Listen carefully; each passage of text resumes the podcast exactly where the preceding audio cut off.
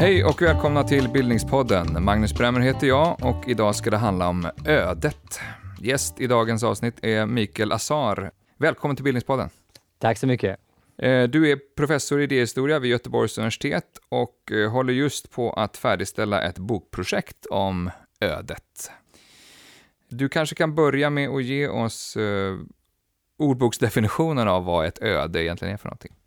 Ja, den allra vanligaste eh, definitionen det är den som säger att eh, ödet är ett slags makt. eh, en, en ordning i universum som i grunden bestämmer över allt som sker. Också bestämmer över allas våra liv. Så att det finns någon slags oundviklighet, en ofrånkomlighet i allt det som sker. Mm. Det är något är ödesbestämt, som man säger. Det är ödesbestämt. Och den svåra frågan är då, vilken är den här makten? Mm. Är det en opersonlig makt, som det ibland, eh, om man går till källorna, eh, framstår som, det vill säga en idé om att eh, ödet har bestämt.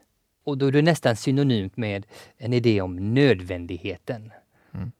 Men vi har också en ödestanke som, som är mer personlig och som hävdar att det finns den här makten då är ytterst sett gudar i pluralis eller i singular. Och det är Guds hand som griper in och bestämmer, avgör det som drabbar människorna i deras eh, livsförlopp. Mm. Ibland kallas det för fatalism och, och, den kan då förstås på lite olika sätt, alltså efter latinets ord för öde, mm. fatum.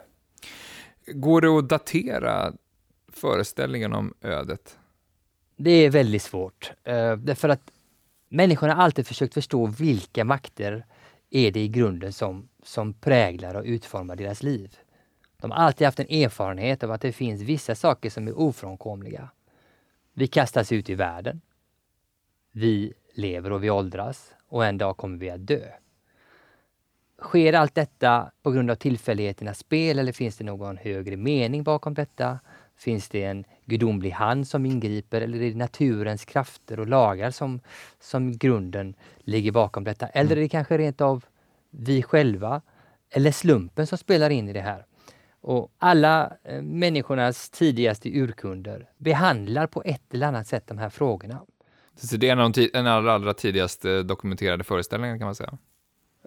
Man kan säga att den frågeställningen, och det är den jag framförallt är intresserad av, eh, finns med i de allra tidigaste källorna. Mm. Och då pratar vi alltså om 3000 år sedan och, eh, och längre tillbaka i tiden än så ibland. Ja, jag tänkte vi skulle återvända till, till just den där tidiga historien. Men eh, när man definierar någonting så kan det också vara hjälpsamt att, att utgå från vad som är motsatsen till vad man definierar. Vad, vad är liksom ödets eh, motsats? Här? Det är faktiskt väldigt svårt att säga vad som är dess motsats. Eh, om man, om man går till en vanlig ordbok så, så får vi ibland eh, eh motsättning mellan ödet tänkt som just den här nödvändiga ordningen, den gudomliga planen eller eh, ödets makt och så här, som styr över oss. Och då skulle motsatsen vara mänsklig frihet eller det som kallas för slump. Alltså mm.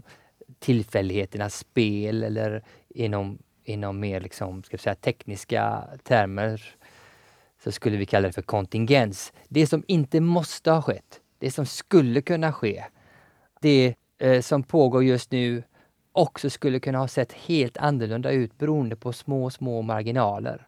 En 1600-talsfilosof som heter Pascal, eh, fransk, eh, säger till exempel att eh, om Kleopatras näsa hade varit lite kortare skulle hela världen ha haft ett annat utseende. Mm. Hur tolkar du det? Mm. Ja, det, det tolkar man, man kan tolka det på olika sätt men själva liksom här uttrycket påvisar idén att nödvändigheten inte tycks vara så absolut som vi tror. Det är massa små tillfälligheter som spelar in i våra liv. Mm. Om man går till vänster istället för höger, man tittar lite för lite när man går över gatan så blir man överkörd och det får enorma effekter för enormt många människor till exempel. Alltså enkla varianter. Det här har också ett en särskild term och det här är mycket intressant. Och det, grekerna kallar det här för tyché eller ibland säger man kanske touché.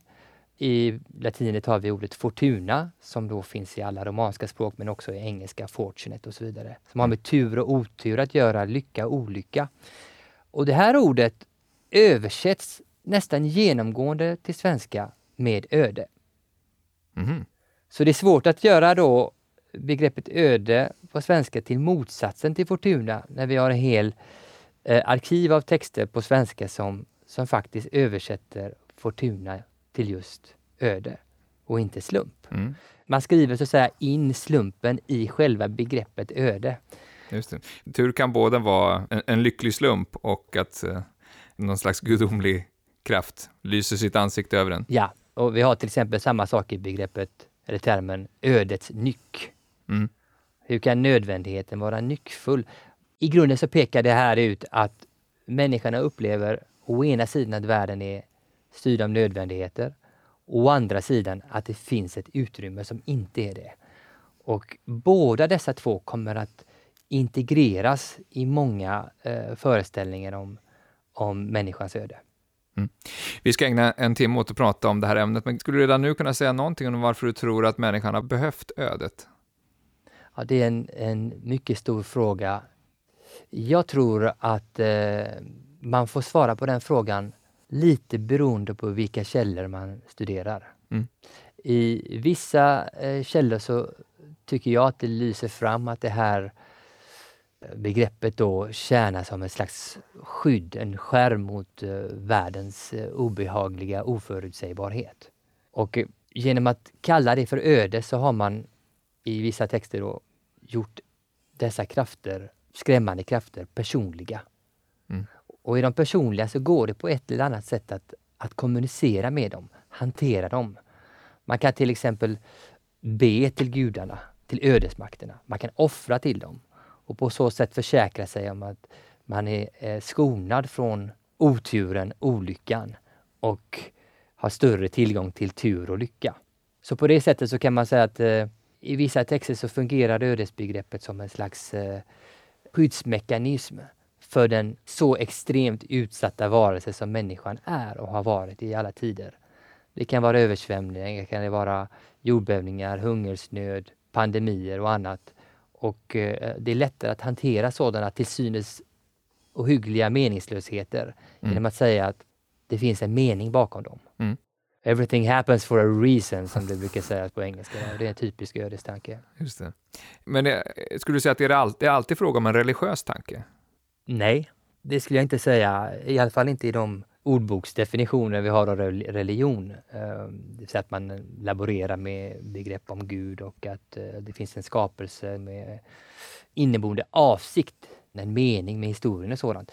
Nej, det finns absolut eh, ateistiska motsvarigheter om vi skulle uttrycka det så. Eh, Om vi går till den här ordboksdefinitionen jag inledde med så har vi den här tanken att eh, ödet står till och med över gudarna. Det är en nödvändighet som allting är underkastat. Så eh, säger till exempel en grekisk författare som heter Herodotos. Ödets skickelser kan ej ens Gud undfly. Mm. Så även Gud är underställd ödet? Även Gud är underställd ödet i vissa texter. Och det här fortsätter då till exempel i, i modern eh, determinism. Förklara vad du menar med det, eller vad som menas med det. Vad som menas med det? Ja, ehm, tanken är ganska komplex och har långa rottrådar i historien, men om man tänker som den moderna determinismen så bygger den på en idé om att allt som sker har bestämda orsaker. Och att allt där, därför kan tänkas i termer av orsak och verkan. Det finns ingenting som inte sker, som inte måste ske på grund av en viss orsak. Och det här påminner ju ganska mycket om en viss typ av antik ödestro, det vill säga att det finns en nödvändighet som ingen kommer undan. Och den här eh, föreställningen då växer fram under 1500-1600-tal och, och kommer då vara väldigt central i den naturvetenskapliga världsuppfattningen.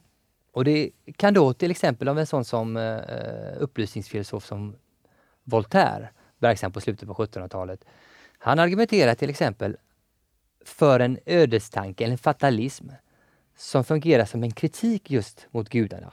Han säger, Det kan inte finnas några mirakel samtidigt som det finns stränga lagar.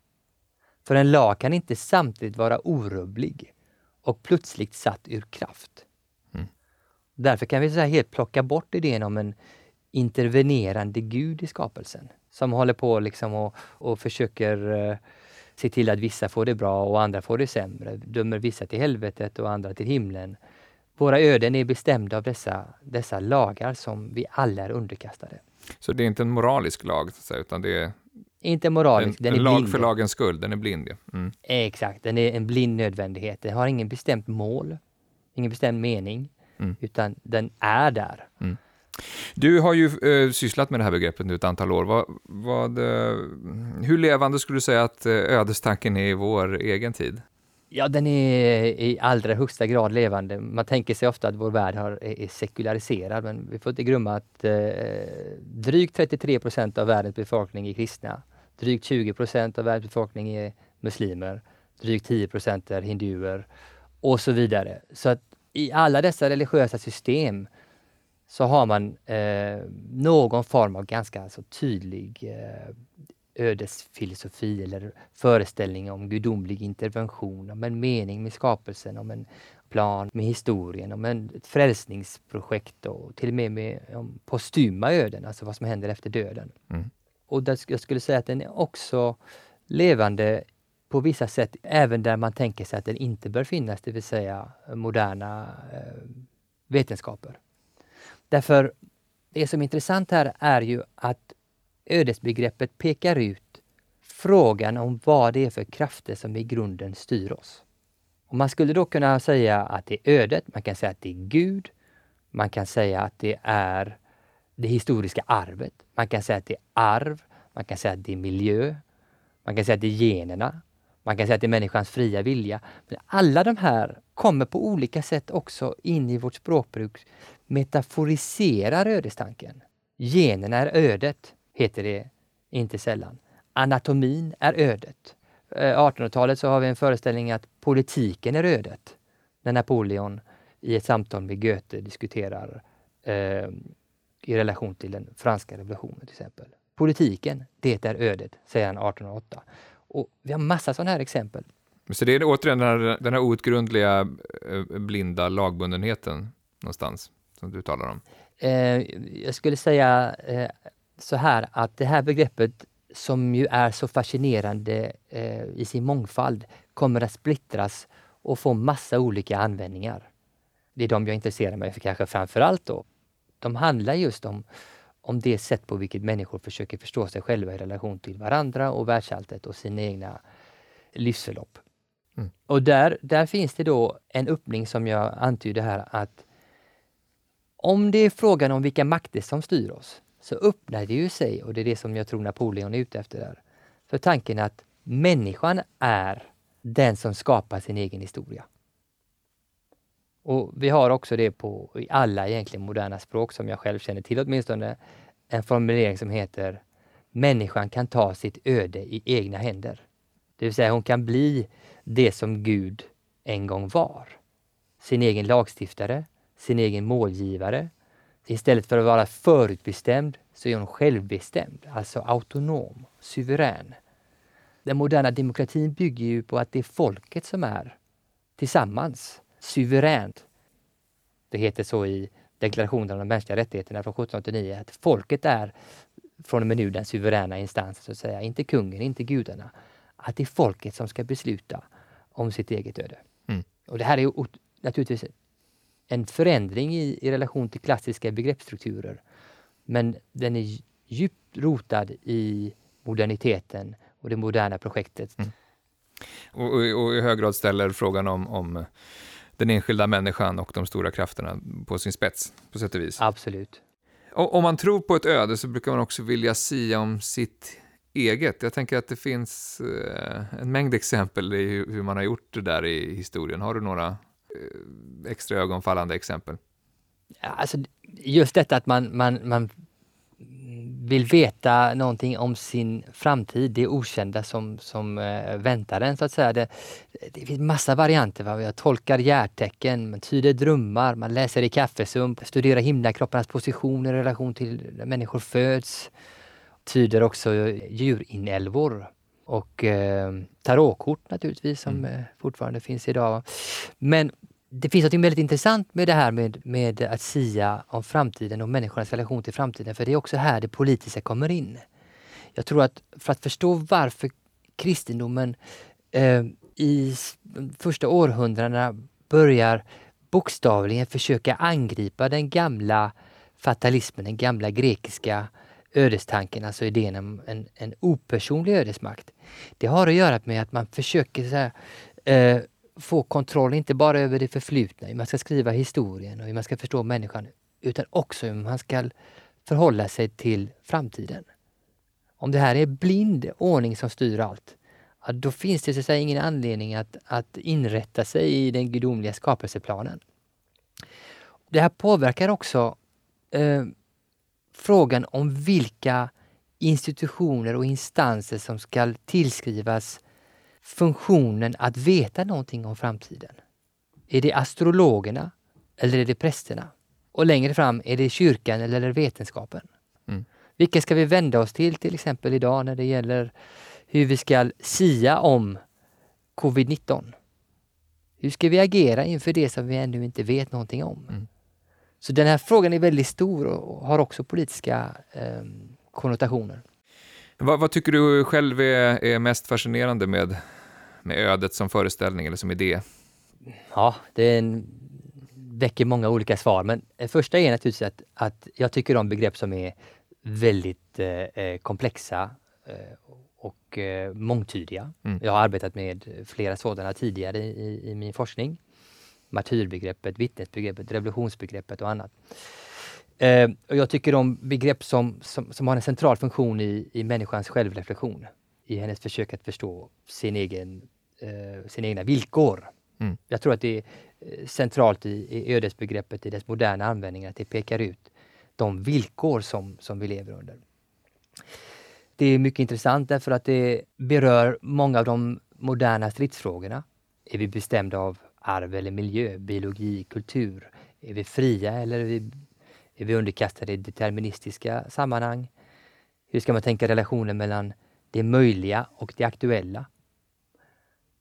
Och inte minst så tänker jag att, att det här begreppet framförallt i några av dess, så att säga, jag kallar det för ödestroper eller ödesfraser, pekar ut detta att människan gång på gång står inför, var och en av oss gör det, inför trängande frågor och mycket svåra och stora livsbeslut, livsval. Antingen det ena eller det andra. Och väljer vi det ena utesluter vi det andra, då väljer vi också våra öden i den bemärkelsen att våra beslut kommer att, att uh, få långsiktiga effekter. Inte bara på oss själva utan också på andra. Finns det inte en motsättning där? Att uh, om man tror på ödet så tänker man väl att det där valet någonstans också är förutbestämt? Så. Inte om man tror på att uh, människan kan ta sitt öde i egna händer. Mm. Och jag tror att det här är en väldigt viktig poäng som du lyfter fram. Det hör till ödesbegreppet att det alltid, i princip oavsett vilken text vi tittar på eller tradition vi tittar på, att det alltid finns en spänning mellan nödvändighet och frihet. Frågan är vad går gränsen mellan det som är helt bestämt och vilka möjligheter har vi att påverka? Mm. Även i sammanhang där man verkligen säger sig tro på ödet så kommer man inte undan de svåra besluten, de trängande frågorna. En klassisk variant av detta är det här eh, att människan står inför Rubikon. Hon måste korsa Rubikon. Och då Caesars gestalt då som, som eh, 49 år före, före Kristus står inför floden Rubikon. Ska han gå över eller inte? Och det här är liksom en helt avgörande fråga för det kommer påverka eh, inte bara hans liv utan också den Roms historia och därifrån får vi öppning för hur man ska tänka kristendomens historia och därigenom har vi öppning för hur vi ska tänka världshistorien. Och i det här ögonblicket så står då en människa inför att fatta ett, ett val. Och det gör vi också även om vi uppfattar oss, även om vi tror på en absolut ordning som bestämmer oss. Så kommer vi inte undan detta. Därför att vi måste svara på de frågor som andra inte svarar på i vårt ställe. Mm. Vi måste fatta många svåra val utan att veta vad konsekvenserna blir. Mm. Ska vi gifta oss eller inte? Ska vi skaffa barn eller inte? Ska jag gå den utbildningen eller en annan utbildning? Ska jag bo i det här landet eller ett annat land? Vad det där kommer att göra med oss, eller göra av oss och andra som kommer drabbas av det, det har vi faktiskt väldigt lite kunskaper om. Mm. Och jag tror att det är också en mycket fascinerande aspekt av det här begreppet. Det är att det säger någonting om människans relation, inte bara till det förflutna utan också till framtiden. Alltså de temporaliteter vi ständigt lever under. Vi, är, vi griper alltid tillbaka till det förflutna och vi föregriper alltid en framtid. Men den här framtiden är för oss, även om gudarna skulle se nödvändigheten i det som sker, så är den alltid öppen och obestämd. Den som vill kan ju alltid eh, eh, få den här känslan av, av det trängande livsvalet, eh, det som drabbar just dig. Din fråga om ditt eget liv och din framtid, vad du vill göra av det som livet har gjort av dig. Det har vi fantastiskt illustrerat i, i de inledande tonerna eh, av Beethovens så kallade ödessymfoni. Eh, da, da, da, da. Där står så att säga eh, livet och väger och det kan avgöras blott genom ditt beslut. Därför ingen annan kommer fatta det här beslutet åt dig. Du kan söka ett svar från gudarna, du kan söka ett svar från familj och vänner och du kan försöka lyssna på eh, vad dina gener säger och så vidare. Men i slutändan så är det du, du som måste svara eh, och ansvara då mm. för, för det här beslutet. Och ödets tyngd i de stunderna kan ju både upplevas så att säga, inför det valet i den stunden, men också många år i efterhand. Absolut. Eh, ödets tyngd är ett bra... Eh, du ser, man, man, producerar konstant nya metaforer för detta. Ödesstund, ödesmättad, ödesdiger. Jag tittade på en lista ganska nyligen och det var liksom eh, 20-30 ord bara i Norstedts svenska ordbok. okay. Ödesbunden, ödesdrabbad, ödesmotiv, ödestimme. Ödestimmen är på sätt och vis vad vi ägnar oss åt här nu, så vi kanske ska skynda oss lite vidare. Ja. Um, om vi skulle gå tillbaka till den tidigaste historien, um, och förslagsvis de gamla grekerna. Va, uh, vill du säga något mer om vilka föreställningar om ödet som, som börjar ta form i, i antiken? Mm det här eh, råder en hel del eh, diskussion om um, hur man ska förhålla sig till den här grekiska traditionen. Och det eh, är väldigt lätt att man, man tänker att det här, ja, grekerna har en uppfattning i frågan och, och min, min, absoluta hållning är att de har inte detta utan de brottas med, med de här frågorna på olika sätt i olika texter och man gör eh, förståelsen av den antika filosofins och tankevärldens komplexitet en otjänst genom att reducera det till idén om att de trodde på ödet. Mm. Det beror mycket på vilka tänkare man går till och man kan till och med hitta olika uppfattningar om ödet i, hos en och samma tänkare. Hos Platon i olika dialoger, i Aristoteles verk, eh, Demokritos, eh, de homeriska sångerna inte minst, där man kan se lite olika variationer på temat. Eh, men särskilt intressanta tycker jag det är de så kallade grekiska tragedierna som ibland beskrivs som ödestragedier. Och att man då tänker att det här är beskrivningar av hur ödet i slutändan bestämmer över våra liv. Jag tror inte man ska läsa dem så här. Jag tror att man ska läsa de här texterna som, som symboliska bearbetningar av människans eh, villkor.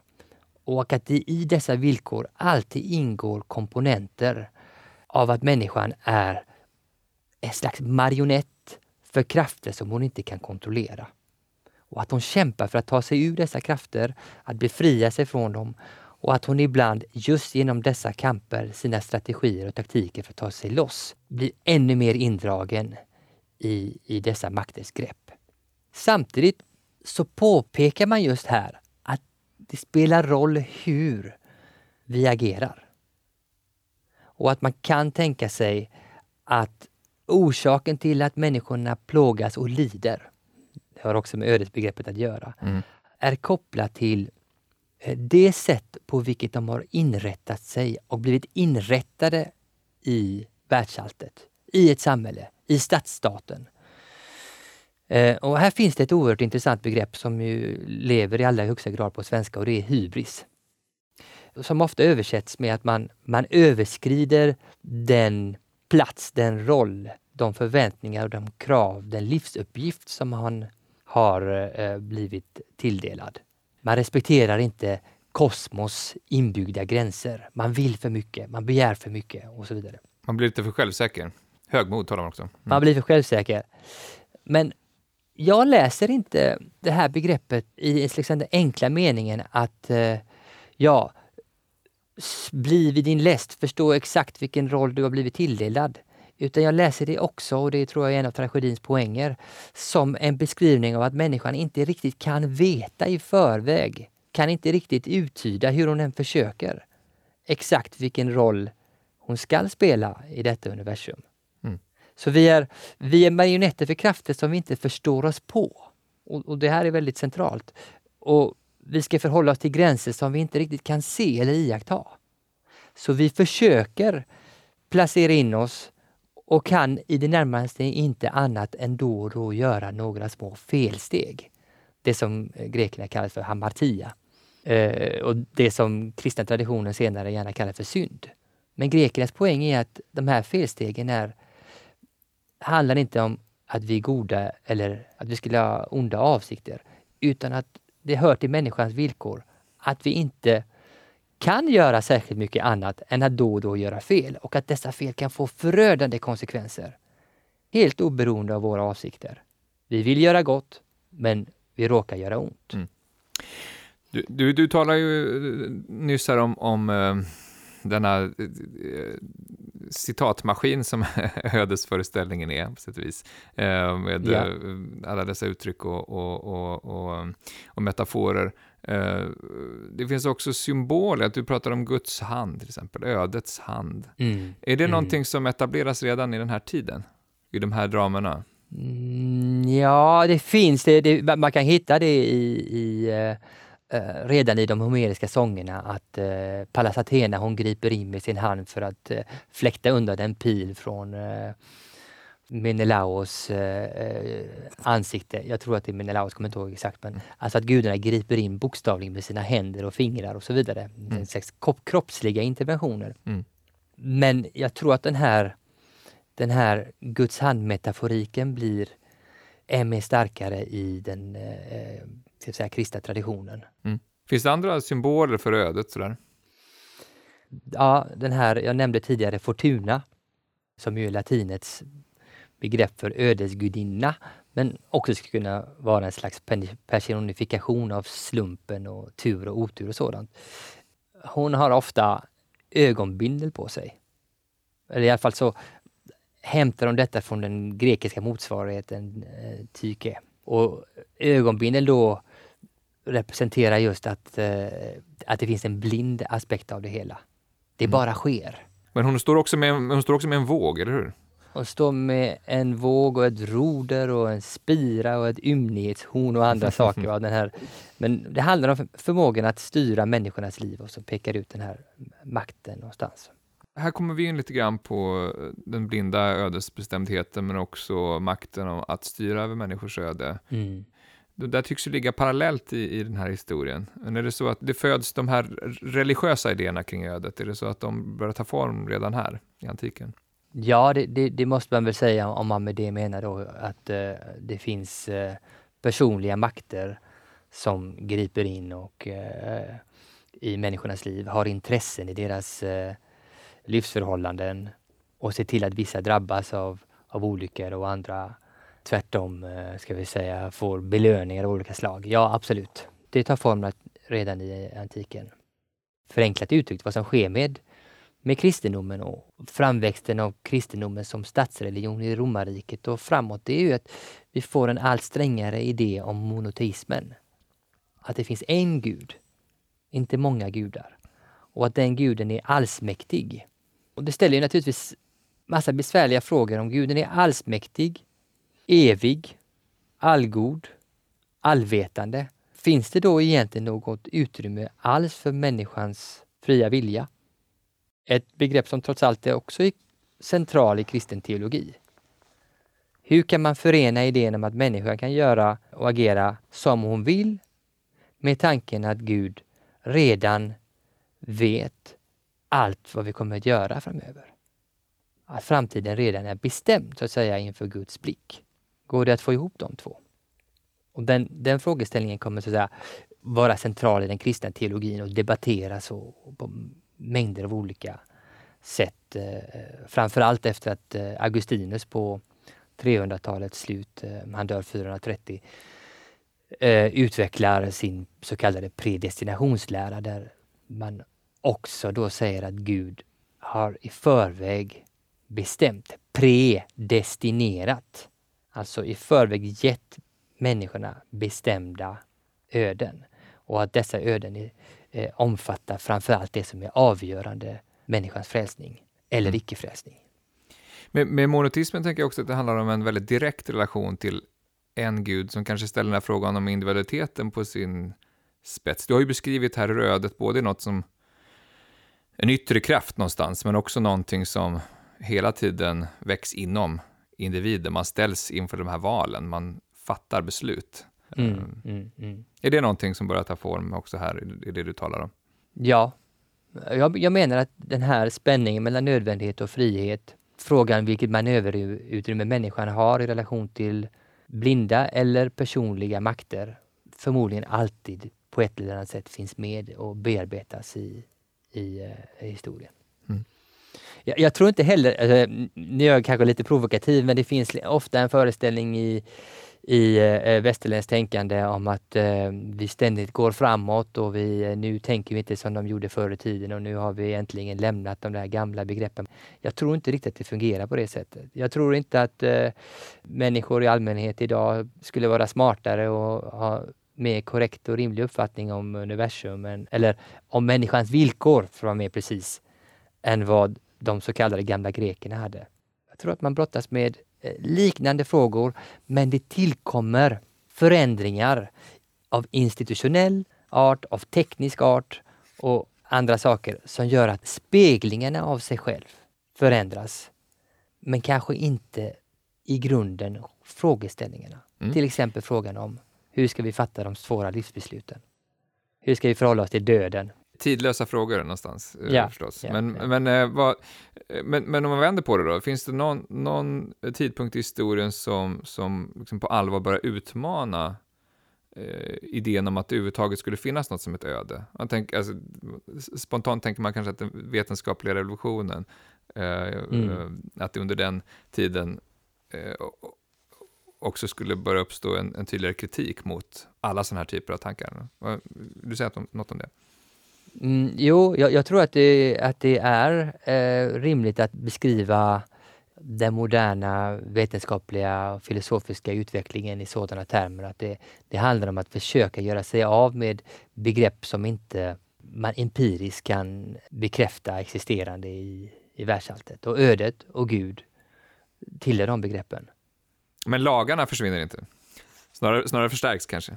Ja, lagarna och har vi, då har vi ju Herodotos eh, redan som ju säger att även gudarna är underkastade lagarna och, mm. och, och, eh, Voltaire som, som säger sig eh, tro på ett slags fatalism därför att eh, universum är styrt av lagar. Funktionen som det här begreppet har kan, alltså ödet, sin traditionella version, kan mycket väl vara kvar. Men det har bytt namn. Mm. Och det är i sig en stor händelse. Jag, jag förringar på inget, inte sätt detta. Det är en stor händelse som på många sätt eh, kan beskrivas som en revolution i tanken och som en upplysning av tanken därför att vi inte längre behöver vara underkastade eh, makter som vi eh, inte förstår oss på. Eh, men då kan man komma ihåg att till exempel redan eh, Demokritos, Xenofanes eller Polybius och då pratar vi alltså om eh, perioden mellan 500 f.Kr. till 100 eh, f.Kr. Ett antal tänkare är inne på liknande spår. Mm.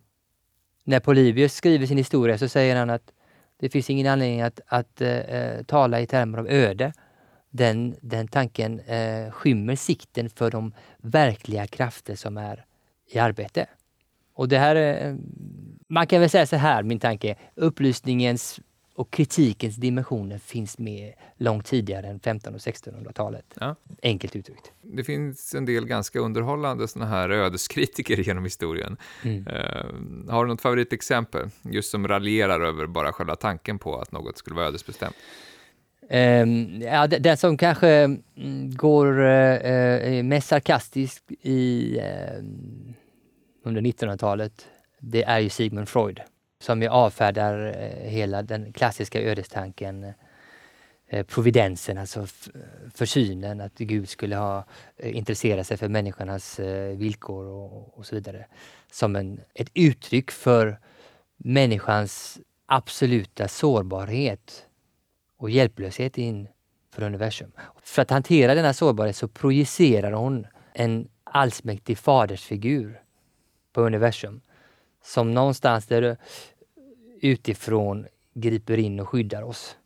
Han raljerar över detta mm i vissa texter. Men i andra så förstår han mycket väl att vi gör detta därför att våra villkor är så pass besvärliga, ibland så pass outhärdliga att det inte riktigt finns någonting som kan ersätta denna symboliska och projicerade eh, uppblåsta föräldrainstans som ödet och gudarna är för oss. Hur ska vi, hur ska vi hantera de eh, smärtor och sorger som vi drabbar oss, förluster av älskade, om vi inte på något sätt för in tanken att det fanns en mening med det? Mm. Att vi kanske kommer träffa dem igen. Mm. Eller att om vi inte ännu har drabbats, att vi är skyddade från de fruktansvärda saker som kan hända oss.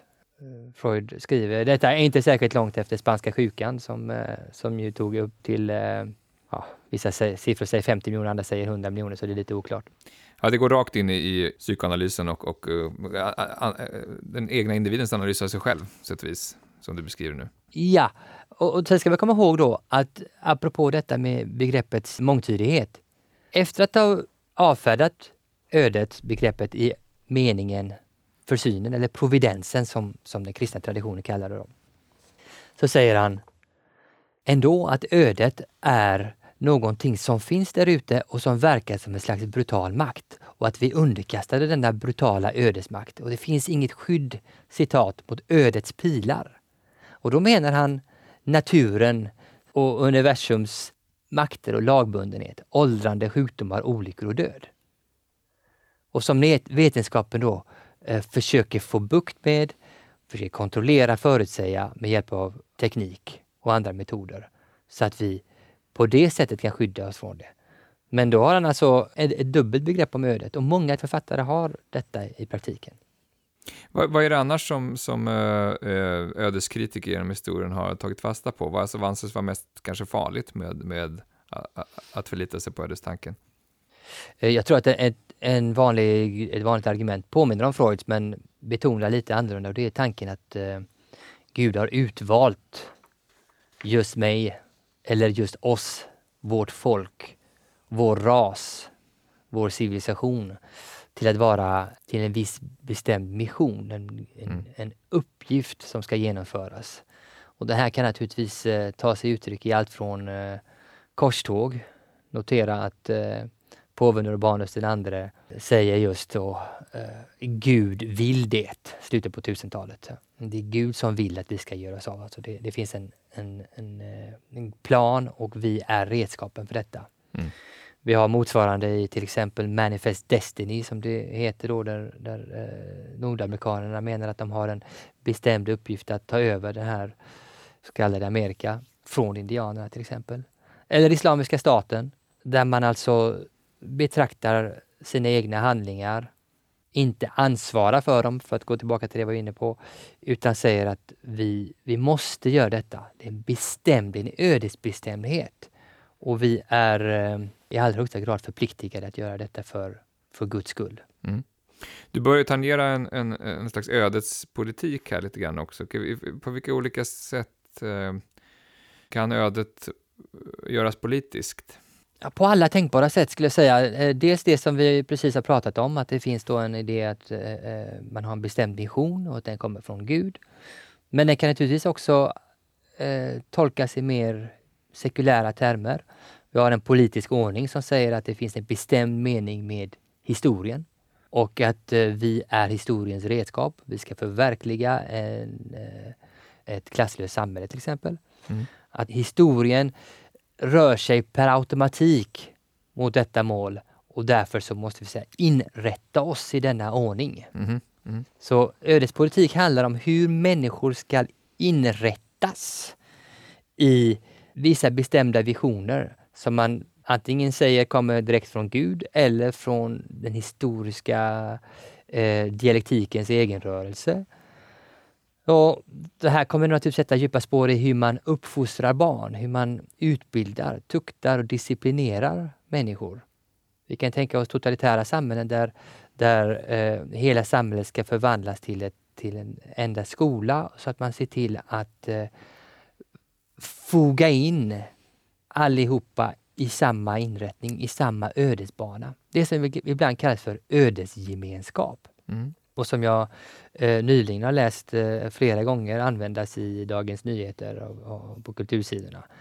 Eh, vår ödesgemenskap. Alltså. Och då, då ställs ju frågan om relationen mellan individen och kollektivet och förmodade högre makter Eh, på sin spets. Men tänk, man tänker alla sådana alla såna, eh, teorier om, om hegemonisk makt eller eh, maktstrukturer eller normativa ordningar, är det något som lerar sig med ödestanken, menar du, eller är det något som, som, som, som kommer någon helt annanstans ifrån?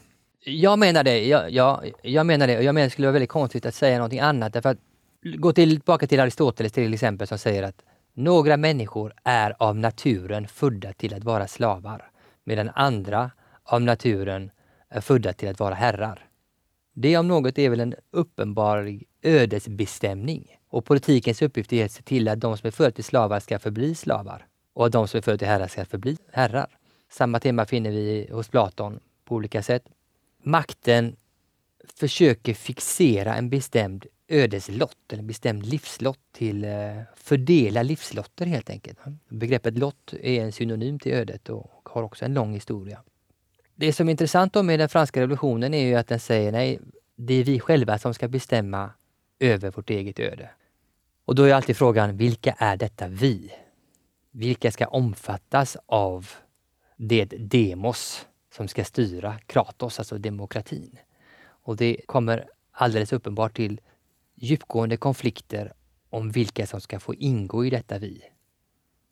Kvinnor får ju inte rösträtt förrän i Frankrike, då, revolutionens hemland, upplysningens så kallade hemland, förrän mot slutet av andra världskriget. Och det får till exempel Simone de Beauvoir att säga att eh, männen har alltid haft kvinnornas öde i sina händer och de har inte varit intresserade av att eh, låta oss vara med och bestämma.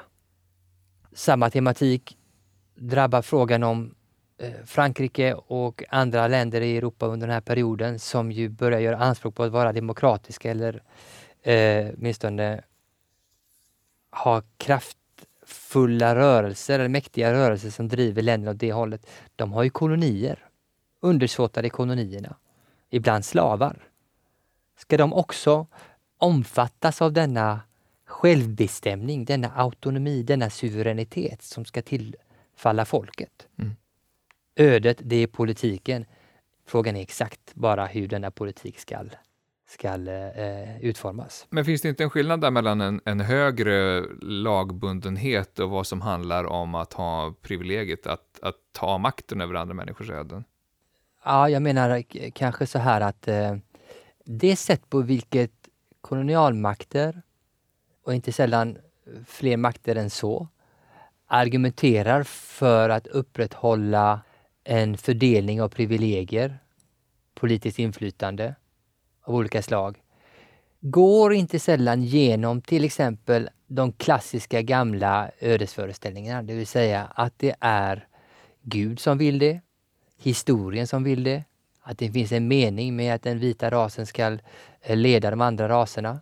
Till och med rasbiologin har sådana aspekter. Rasen, det är allt, säger till exempel en, en en eh, eh, engelsk tänkare på 1800-talet. Och det är den som då ska bestämma hierarkiseringen av mänsklighetens olika folk. Vissa ska bestämma över andra. Och då, då argumenterar man i namn av en slags yttre instans, rasen med stort R, för att motivera hur människornas livslotter ska fördelas. En klassisk studie av detta, eller studie är fel uttryckt, en, en, litterär utforskning av modernitetens olika ödesteman har vi i Imre Kertész som var nobelpristagare 2002. Och hur han beskriver eh, de totalitära systemen som ett försök att utplåna möjligheten till framskapandet av egna individuella singulära öden. Att hela deras så att säga, projekt och det sätt de, på, på vilket de argumenterar tänker han framförallt på eh, Nazityskland men han skriver också böcker om, om eh, de totalitära regimerna i, i eh, Östeuropa. Hur de utifrån tvingar in, genom hänvisningen till nödvändiga eh, principer, tvingar in individerna i specifika inrättningar. I värsta fall Auschwitz då, som man har egen erfarenhet av. Mm. Det är viktigt att förstå att i den moderna politiska filosofin så finns det här begreppet i allra högsta grad aktivt av många av de stora tänkare som eh, definierar vår egen samtidsdiskussioner. Jag kan lista en väldigt stor mängd franska och tyska tänkare som gång på gång talar om ödet på olika sätt. Mm. I vissa avseenden väldigt annorlunda än, än, hur man talade om, om dessa begrepp på, på eh, grekernas tid. I vissa avseenden ganska likartat. Så det är, inte, det är inte jag som projicerar de här begreppen på modern politiskt tänkande, utan de finns där. Men visst är det så också att, att, eh, att det även inom tankar om demokratisering och individuell frihet, eh, liberalism, eh, även marknadstänkande fin, finns spår av ödestankar. Tänker på det, Adam Smiths Den osynliga handen, apropå, apropå osynliga händer som styr och så vidare. Absolut. Eh, du har i allra högsta grad rätt när det gäller liberalismen, att den också bygger på, på vissa sådana föreställningar. Inte bara den här idén om den osynliga handen, som ju finns hos Adam Smith, den skotske eh, tänkaren, eh, ekonomen på 1700-talets slut, som ju eh, föreställer sig att eh, människornas egoism och, och eh, arbetsfördelningen där, där var och en ägnar sig åt sitt eget, till slut så kommer av olika skäl till helhetens bästa och så vidare. Det, det, utan också hela idén om framstegstanken. Ta den här på allvar att historien går framåt. Är det en empiriskt antagande? Ja, då får man undersöka det på område efter område. Eh, och det är alldeles uppenbart att det inte är helt lätt att säga att allting går framåt. Då får vi gå in på detaljer här, men framstegstanken har haft en otroligt inflytande över modernt tänkande. Är det inte en ödestanke? Är det inte en, självklart en ödestanke att tro på framsteget? Det vill säga att historien går framåt, att det finns en mening och en rörelse i historien. Som om den fanns av sig själv. Det finns de som insisterar på den här tanken även efter Auschwitz, Hiroshima och kanske efter jordens utplåning och klimatkrisen så är det fortfarande går framåt. Jag menar inte att det inte finns framsteg. Jag menar att den har drag av ödesföreställning av sig. Mm. Om vi avslutningsvis skulle säga lite grann om ödestankens öde, så att säga, ödestankens framtid. Hur tror du den ser ut? Jag tror att eh, det är som med många av de centrala begrepp som definierar, eh, nu pratar vi framförallt om västerlandet här, västerländskt tänkande, så, så eh, gör man sig inte av med dem en gång för alla, utan de återkommer i lite annorlunda former. Och så lever de kvar också i sina ursprungliga former. Jag tänker att det där kommer, kommer finnas med också i den fortsatta utforskningen av, av eh, människans villkor. Jag, jag, jag, tycker jag kan passa på att säga att det finns inte minst i samtida, pratar jag sent 1900-tal, början av 2000-tal, en lång rad författare som på ett fantastiskt ingående sätt diskuterar människans villkor med hjälp av sådana begrepp som ödet. Eh, ni kan till exempel titta på Paul Austers roman 4321 eller eh, Philip Roths eh, Nemesis som är en eh, fantastisk diskussion om människans ödesvillkor som direkt gå tillbaka och spela på hela liksom, den komplexa traditionen av västerländskt tänkande kring, kring människans öde mm. i pluralis. Mm. Det får bli sista orden. Tusen tack Mikael Azar för att du vill vara med i Bildningspodden. Tack själv Magnus. Tack också ni som har lyssnat. Ni kan naturligtvis gå in på anekdot.se och lyssna på alla tidigare avsnitt av Bildningspodden, varav flera har blivit aktuella i den här diskussionen. Och vi är snart tillbaka med ett nytt avsnitt. Tack och hej!